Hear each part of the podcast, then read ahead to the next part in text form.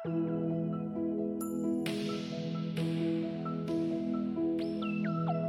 болох их сурвалж Eagle Radio 91.1 Eagle цэгийн сайтын онцлог нийтлэлээс үр удам нь тасарсан сая сая хятад хүний гонигт хувь заяа.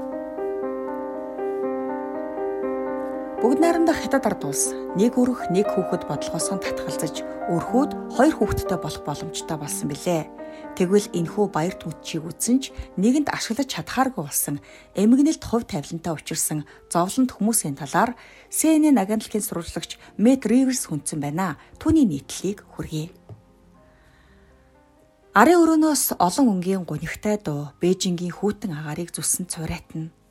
Шагааж үзэхэд 60-аас дээш настай болов гэмээр 20 гаруй хүн байхагаад хятадын хувьсгалын тухай дууг гунигтаяа ажиллажээ эдгээр хүмүүс өөрсдийгөө найрал дуучид гих боловч үнэндээ урлаг бус үдсэн гуник зовлон тэднийг нэгтгэдэг байна. Тэд бүгд төр засгаас хэрэгжүүлсэн нэг өрх нэг хүүхэд бодлогод захирагдан цорын ганц хүүхэд төрүүлж өсгсөн ч тэд нь залуугаараа энэ хорвоогоос хальж утсан азгүй эцэг эхчүүд юм. Өр үнцээ үлдээ гэхэд нэгэнт нас хөгшөрсөн тэд бие биеэ ямар нэгэн аргаар олон цугларч өр үндэс нь тасарч өөрөөр нь дуусах гашуун үнэнтэй эвлэрэн байгаа нь энэ үлээ. Би зовлон гунигаасаа хизээч ангижирч чадахгүй хэмээн ярих хөвшнийг Ян Чунхайг нь амнаас хайртай ганц хүн өнгөрсөн жил 31 наснда цусны хорт хавдраар өд болжээ. Хүмүн амьд байхдаа та намайг өнгөрсөн ч гэсэн зовж ханлалгүй энгийн амьдралаар амьдраарай гэж цагсан. Тиймээс л Зовлон нэгтэй хүмүүсийн энэ бүлэгт нэгдсэн хэмээн ярих энэ хөгшин хүүн өнгөрч удам мөксаан бүрмөсөн тасарсан явдалд сэтгэл нь урагдан явдгаа өгүүлж байлаа.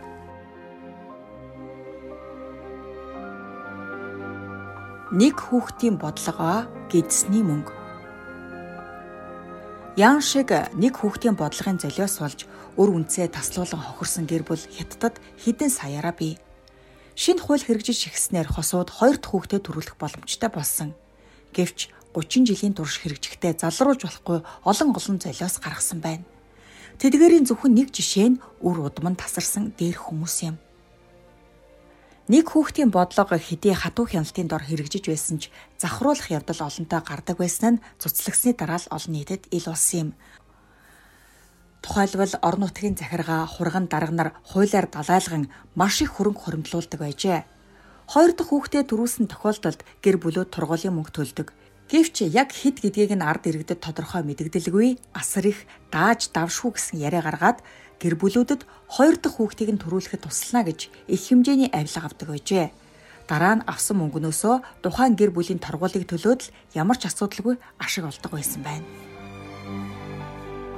Өмгөөлөгч Вүү Юуши энэ талаар төрийн албаа хаагчдад их хэмжээний мөнгө өгч хоёр дахь хүүхдэд төрүүлсэн гэр бүл маш олон. Энэ төрлийн залил нь төрийн албаа хаагчдын орлогын нэг их үүсвэр болох тохиолдолд цөөнгүй хэмээн ярьж байна. Түүний нэг үйлчлүүлэгч хоёр дахь хүүхдэд төрүүлэхийн тулд төрийн албаа хаагчид мөнгө төлсөн бөгөөд нэгэнт хоёр дахь хүүхдэд төрүүлсний дараа ногдуулах торгуул авилгад өгсөн мөнгнөөс нь хэд дахин бага байсныг хэдэн жилийн дараа л олж мэджээ. Авилагч төшмөд хэдэн зуун мянган юаны торгуультай байдаг гэж мэхэлсэн байсан гин. Авилагчдын гарт орсон мөнгөний хэмжээг багцаалах зорилгоор бөө өмгөөлөгч 2012 онд 31 мужийн гэр бүл төлөвлөлтийн хилтэст торгуулаас төсөв төлрүүлсэн мөнгөн дүнг мэдэгдэхийг хүссэн загтал хургуулжээ. Эднээс 24 нь хариу ирүүлсэнийг нэгтгэж үзэхэд 20 тэрбум яан буюу ойролцоогоор 3.2 тэрбум ам доллар болсон байна. Иргэний хэлгээр бол энэ мөнгийг гэдэсний мөнгө гэж нэрлэж болно. Ягд гэвэл бүгдийг эмэгтэй хүний гисээр л олж байгаа шүү дээ гэж вүү өмгөөлөгч ярьж байна. Авилагчсан 500 мянган алба хаагч.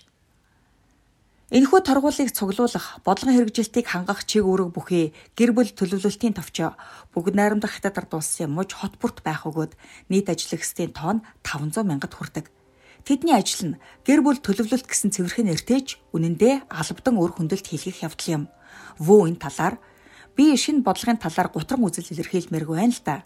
Гэхдээ хэдийгээр гэр бүлүүд хоёр дахь хүүхдэд төрүүлэх хэрэгтэй болсон ч хүчээр өр хөндлөх ажил зогсохгүй хэмээн үзэл бодлоо илэрхийллээ.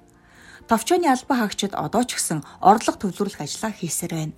Эмэгтэй хүн хэдэн ч удаа жирэмсэлж болох учраас ажил нь багасахгүй, оронтоонч хасагдахгүй. Хоёр хүүхэд төрүүлсэн ч хоёулаа залуудаа нас барах магадлал байгаа учраас Ян Чунхаан хувь заяаг давтах хүмүүс үгүй болохгүй. Гунигт дун их шгэрсээр л байх болно.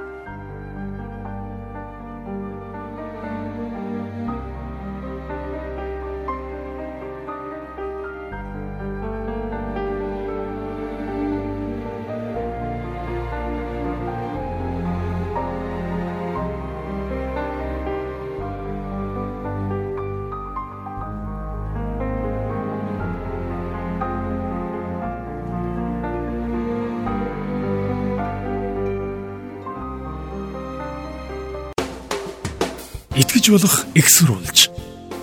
Игэл радио 91.1